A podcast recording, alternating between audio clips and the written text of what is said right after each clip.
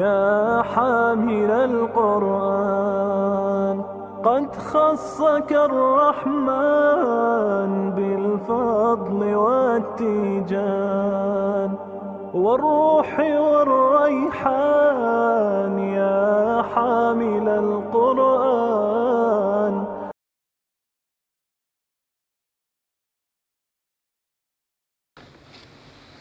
بسم الله والحمد لله والصلاة والسلام على رسول الله سيدنا محمد وعلى آله وصحبه أجمعين الحمد لله حمدا كثيرا طيبا مباركا كما يحب ربنا ويرضى الحمد لله على نعمة الإسلام والحمد لله على نعمة الإيمان والحمد لله أن وفقنا على حمده إياه.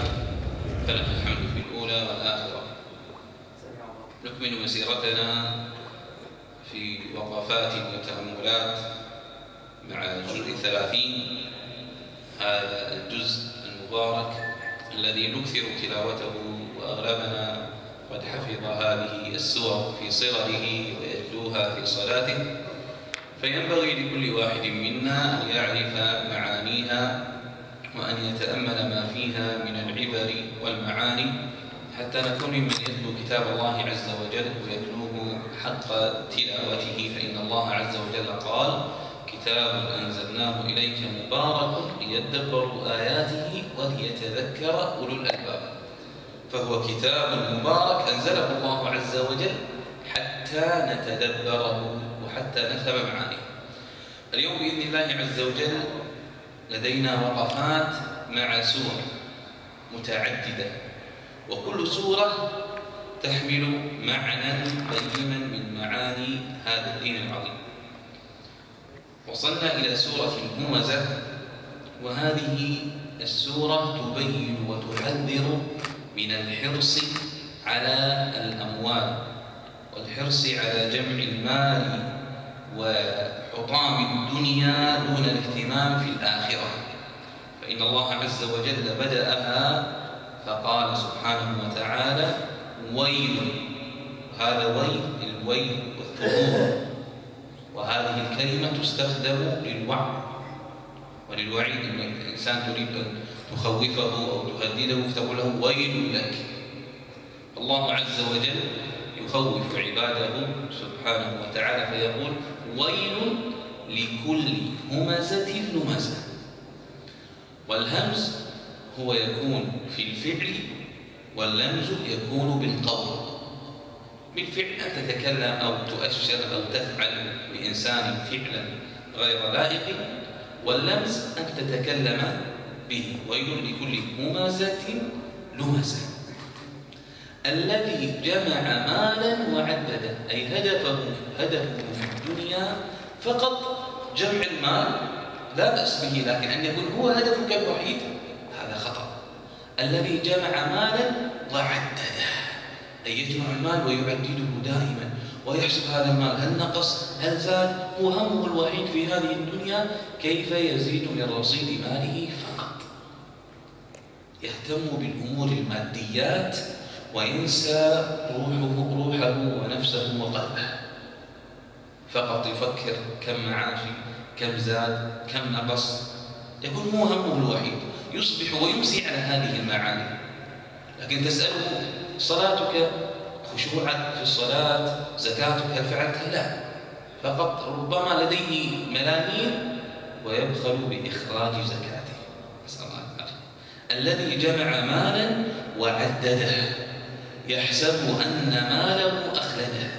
من حرصه على المال يحسب أن هذا المال هو الذي سيقلده في هذه الدنيا وسيجعله يعيش أبيد أبد الآبدين. لذلك قال صاحب الجنة في سورة الكهف قال وما أظن الساعة قائمة؟ ولئن رددت إلى ربي لأجدن خيرا منها منقلبا أي أنه فرح بدنياه بجنته ومزرعته وماله.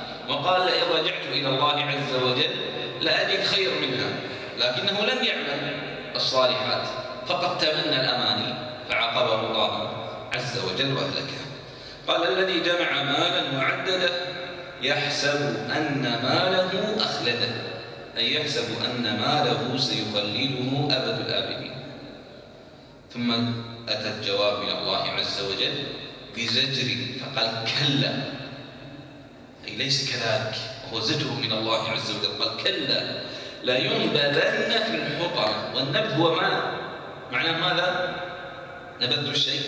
أي طرحته وألقيته كلا لينبذن في الحطمة. أي سيلقى في الحطمة. نسأل الله العافية. وإذا نبذت الشيء أي أنك لا تريده وأنك تزدريه. فقال كلا لينبذن في الحطمة. أي ليلقى في الحطمة. وما هي الحطمة؟ قال وما أدراك ما الحطمة للتهويل والتعظيم نار الله موقدة. فهي موقدة ولم تنطفئ منذ خلقها الله عز وجل. حتى احمرت ثم ابيضت ثم اسودت كما جاء في الحديث. فهي سوداء مطحنه ظلمات بعضها فوق بعض. نار موقدة. التي تطلع على الأفئدة. أي من قوة هذه النار أنها تخرق الجسم فتصل إلى الفؤاد أي إلى القلب نسأل الله العافية. من قوتها وشدتها وضرامتها. قال التي تطلع على الأفئدة. إنها عليهم مؤصدة أي هذه النار مؤصدة لو كانت مفتوحة ربما استطاعوا أن يخرجوا منها. وأن يخرجوا إلى مكان ليس فيه نار. قال لا بل هم مؤصدة هذه النار في عمد ممدد. أي قد ربطوا بأعمدة كالسجن. ممددة هذه الأعمدة والنار قد أحاطت بهم إنها عليهم مؤصدة في عمد ممددة. هذا جزاء من ماذا؟ من حرص على المال والمفاخرة به. همزة لمزة الذي جمع مالا وعدده. بعد أن بين الله عز وجل عقاب من يحرص على المال وأن يكثره تكلم الله عز وجل في السورة التي بعدها عن عقاب من يحرص على الجاه والشرف والملك دون الآخرة. فذكر الله عز وجل بعدها سورة الفيل. وتعرفون جميعكم سورة الفيل وقصة أبرهة عليه من الله ما يستحق. هو رئيس الحبشة الحبشة. عندما رأى الناس يحجون إلى البيت الحرام إلى الكعبة هذا قبل الإسلام. قال أنا لدي المال ولدي الجاه ولدي الشرف لماذا الناس لا يحجون إليه فبنى كعبة مثل البيت الحرام مثل الكعبة المشرفة عنده في اليمن في الحبشة. ودعا الناس أن يحجوا إليها. فالأحد الأعراب أخذته الحمية وهو ليس مسلم هذا كله في الجاهلية. فذهب إلى كعبة أبرهة وقضى حاجته فيها إهانة لها. فخطب وأرسل جيشا عرمرما وفيه فية كانت الفيلة هناك لا تعرفها العرب فأتوا لكي يهدموا الكعبة انتقاما لما فعله هذا الأعرابي بكعبته. فعندما أتى وخرج له أهل مكة ثم بعد ذلك انصرفوا وقالوا للبيت رب يحميه. أراد أن يهدم الكعبة فتوقف الفيل بأمر الله عز وجل. ثم الله عز وجل أرسل عليهم طيرا أبابيل هذه هي مقصد السورة أنه أراد الجاه والملك والشرف وأراد أن يحطم الكعبة من أجل شرفه وملكه وجاهه فحطمه الله عز وجل. قال ألم ترى كيف فعل ربك بأصحاب الفيل؟ الله عز وجل يخاطب النبي صلى الله عليه وسلم. ألم ترى كيف فعل؟ النبي صلى الله عليه وسلم ما رأى أن عام الفيل هو عام. ولادة النبي صلى الله عليه وسلم. لكن هنا يدل أن قول الله عز وجل يجب أن يكون لديك أصدق من رؤية عينك. إذا قال الله عز وجل تصدقه كأنك قد رأيته. قال الله ألم ترى أي إذا سمعت من الله عز وجل خبر فإنك تصدقه كما أنك قد رأيته. قال ألم ترى كيف فعل ربك بأصحاب الفيل؟ ألم يجعل كيدهم في تضليل؟ أي أنهم كادوا للكعبة ليهدموها. ففرقهم الله عز وجل وأرسل عليهم طيرا أبابيل أي جماعات متفرقة هذه الطير ترميهم بحجارة من سجيل أي من طير من طين صلب. فجعلهم كعصف مأكول. فما تأتي على رجل إلا وتقتله. كعصف مأكول أي كأنها قد أتاها كأنها أشجار قد أتتها عاصف واحترقت فهي خاوية كعصف مأكول هذا العزة وهذه الكرامة الذي جعلها الله عز وجل للكعبة الشريفة ما جعلها الله عز وجل إلا إكراما لقريش وإكراما لهذه المكانة فقال الله عز وجل بعد ذلك أي أننا ما فعلنا هذا الأمر وما نصرنا وحفظنا الكعبة المشرفة إلا لإيلاف قريش. أي من أجل اجتماعهم وتوحدهم وحفاظا على هذه المنطقة التي ستكون مهبطا للوحي ولكلام الله عز وجل ولدين الله عز وجل. تنبعث منها الأنوار ودين الله عز وجل إلى جميع أرجاء العالم. فقال لإيلاف قريش أي إيلاف بمعنى اجتماع قريش. إيلافهم رحلة الشتاء والصيف. كان لقريش رحلتان. بعد أن أمنهم الله عز وجل وجعلها آمنة رحلة في الشتاء ورحلة في الصيف. فكانوا في الشتاء يذهبون إلى اليمن. نسأل الله عز وجل أن يفرج ما بهم من هم وغم وفي رحلة الصيف يذهبون إلى الشام. نسأل الله عز وجل أن يفرج ما بها من غم وهم. فكانوا في رحلة الشتاء والصيف. أمنهم الله عز وجل قريش في مكة واد غير ذي زرع قاحلة. لكن من أجل الكعبة المشرفة أمنه الله عز وجل وسهل لهم الطرق وجعل لهم رحلتان رحلة في الصيف ورحلة في الشتاء لا يتعرض لهم أحد. ولا يهجم عليهم أحد. لماذا؟ من أجل هذه الكعبة المشرفة ليعلم كل إنسان أن فلاحه ونصره وتمكينه لا يكون إلا بالإقبال على هذه الكعبة أي بالتوجه إلى القبلة الشريفة. والصلاة والإخبات لله عز وجل بها يكون الأمن والطمأنينة والنصر والتمكين لهذا الدين. قال لإلاف قريش إلافهم رحلة الشتاء والصيف. بعد أن أمننا الله عز وجل ومن علينا بالأمن والطمأنينة والاستقرار السياسي الذي يجب علينا قال فليعبدوا رب هذا البيت. أي من باب شكر الله عز وجل على نعمة الأمن والأمان أن نعبد الله عز وجل وأن نوحده ولا نشرك به شيئا. قال فليعبدوا رب هذا البيت الذي أطعمهم من جوع وآمنهم من خوف. يعني تخيلوا بلدة ليس لديها أي مصدر غذائي صحراء قاحلة وفي منتصف الصحراء ليست لها حدود.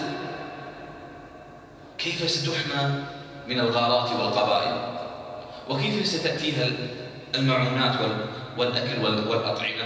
لكن الله عز وجل حفظها ومن عليها قال فليعبدوا رب هذا البيت الذي أطعمهم من جوع وآمنهم من خوف. أطعمهم من جوع يأتيها رزقها رغدا من كل مكان. الآن تذهب مكة. كل أصناف الأطعمة توجد هناك. أطعمهم من جوع وآمنهم من خوف. أكثر بلد آمن هو البلد الحرام حرما آمنا. ومن دخله كان آمنا. الله عز وجل نهى عن أن يفزع حتى القط أو الحمام أو الطائر الصغير. نهى الله عز وجل أن نفزعه أو نرعبه. ونهى الله عز وجل في هذا الحرم أن نقتلع شجرة لأنه حرم حتى نهى الله عز وجل القصاص فيه. إذا رأيت قاتلك أو قاتل أبيك أو قاتل من لديك الحق له لا يجوز لك أن تقتص منه في الحرم. إنما خارج الحرم تقام الحدود. هذا من تعظيم الله عز وجل لهذا البيت الحرام. قال فليعبدوا رب هذا البيت الذي أطعمهم من جوع وآمنه من خوف. تكلمنا في سورة الفيل عن الجاه والشرف وتكلمنا في سورة قريش عن الأمن الغذائي من خلال العبادة لله عز وجل. نختم بسورتين سورة الماعون والكوثر. وفي سورة الماعون تكلم الله عز وجل عن التراحم بإكرام اليتيم وإطعام المسكين. فقال جل وعلا أرأيت الذي يكذب بالدين؟ فذلك الذي يدع اليتيم. أي أرأيت يا محمد الذي يكذب بالدين ويجهل دين الله عز وجل؟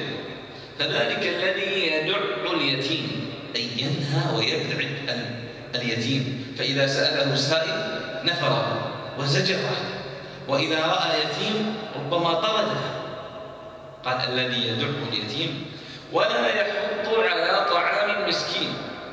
أي لا يحض الناس ولا يحثهم على إطعام المسكين. وهذا ما نراه للأسف الآن في بعض المجتمعات وفي بعض مجتمعاتنا من الأصوات الشاذة من ينهى الناس عن التبرع للفقراء والمساكين والأيتام. يقول لا تتبرعوا للناس دعوا أموالكم لكم. قال الله عز وجل قال ولا يحض على طعام المسكين.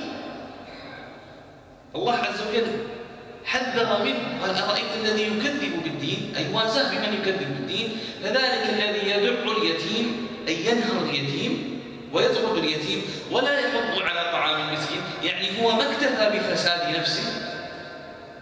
الذي ينهى عن إطعام المسكين وينهى الناس عن إطعام المسكين من باب أولى أنه هو نفسه لم يطعم المسكين. لأنه يأمر بالشر. فهو من باب أولى أنه قد فعل الشر. نسأل الله العافية. قال ولا يحض على طعام المسكين. فويل للمصلين الذين هم عن صلاتهم ساهون. الله عز وجل ذكر الويل والثبور لمن يصلي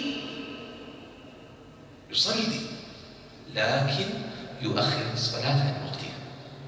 قال أحد العلماء قال الحمد لله أن الله عز وجل قال الذين هم ماذا؟ صلاتهم ساهون. ولم يقل في صلاتهم ساهون. لو قال الله عز وجل في صلاتهم ساهون لكان كلنا في أحد ما يسهى في صلاته؟ جميل إذا أتانا هذا الوعد الشديد. لكن من رحمة الله عز وجل قال الذين هم عن صلاتهم ساهون. ولم يقل في صلاتهم ساهون. معنى عن صلاتهم ساهون أي يصلون لكن يؤخرون الصلاة عن وقتها. يعني الفجر ما يصليها إلا قبل الشروق بخمس دقائق. العصر إذا من الدوام تعبان يريح إلى قبل المغرب ربع ساعة يقوم يصلي ويتفضل المغرب والعشاء يمكن يجمعها هذه عن صلاتهم ساهون هم يصلون. فويل للمصلين؟ هم يصلون. لكن عن صلاتهم ساهون ما يحافظون على الصلاة في وقتها. هذا توعدهم الله عز وجل. لأنهم لم يقيموا الصلاة حق حق الإقامة نسأل الله العافية فالله عز وجل منع من طرد اليتيم ومنع من النهي عن الخير ومنع من تأخير الصلوات والأوامر الربانية. قال فويل للمصلين الذين هم عن صلاتهم ساهون الذين هم يراءون ويمنعون الماء قال هم مع صلاتهم وتأخيرهم يراءون الناس.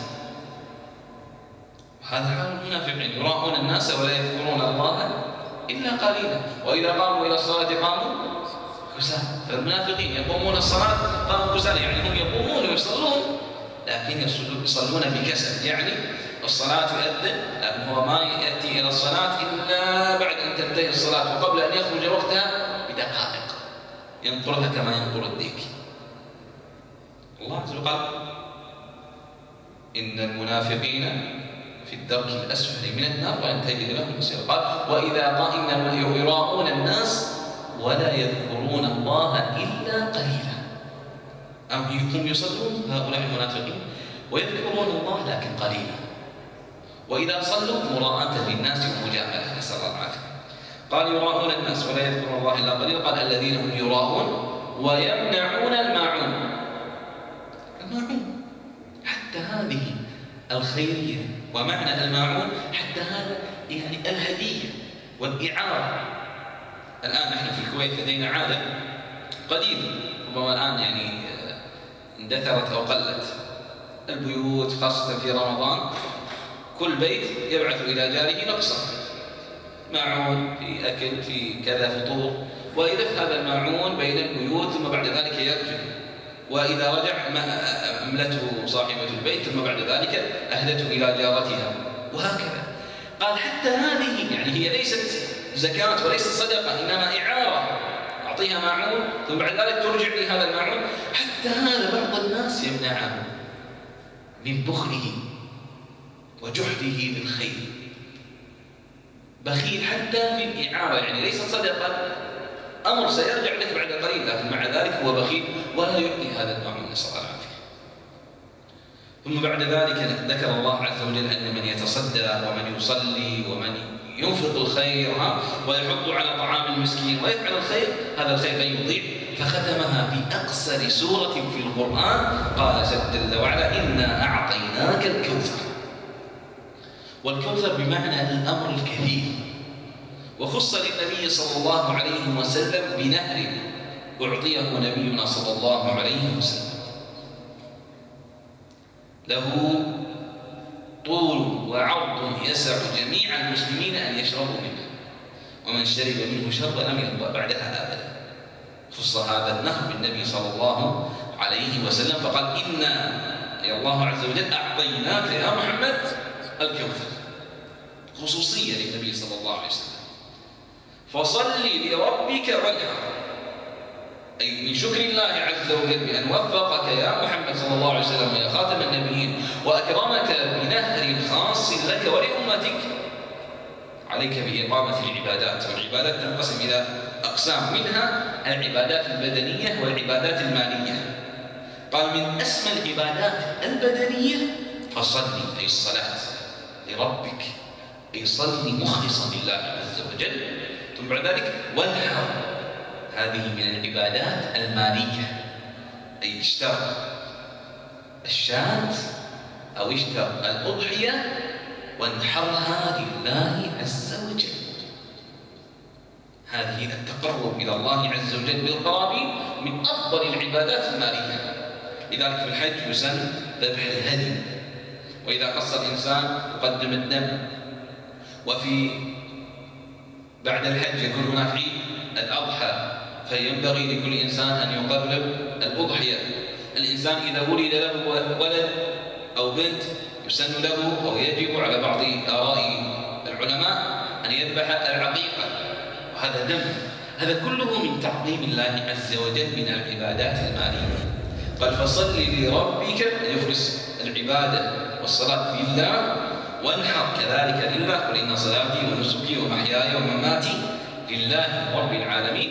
قال فصل لربك وانحر إن شانئك هو الأبتر. قاعدة ختمها الله عز وجل كل من يستهزئ بالدين ويستهزئ بالنبي صلى الله عليه وسلم ويستهزئ بشعائر الدين فهو أبتر. أي مقطوع البركة ويستمر بعد ذلك هذا الدين بسموه ورقيه ويستمر ذكر النبي صلى الله عليه وسلم إلى أبد الآبدين ويستمر هذا الدين بجماله ورونقه. ما دامت السماوات والأرض فنسأل الله عز وجل أن يعزنا بعز هذا الدين وأن يكرمنا ويجعلنا ممن يستمعون القول فيتبعون أحسنه. والحمد لله رب العالمين. وجزاكم الله خيرا على حسن الاستماع في الدرس القادم بإذن الله عز وجل في آخر هذا الشهر. نختم هذا الجزء المبارك. والحمد لله رب العالمين. وصلى الله على سيدنا محمد وعلى آله وصحبه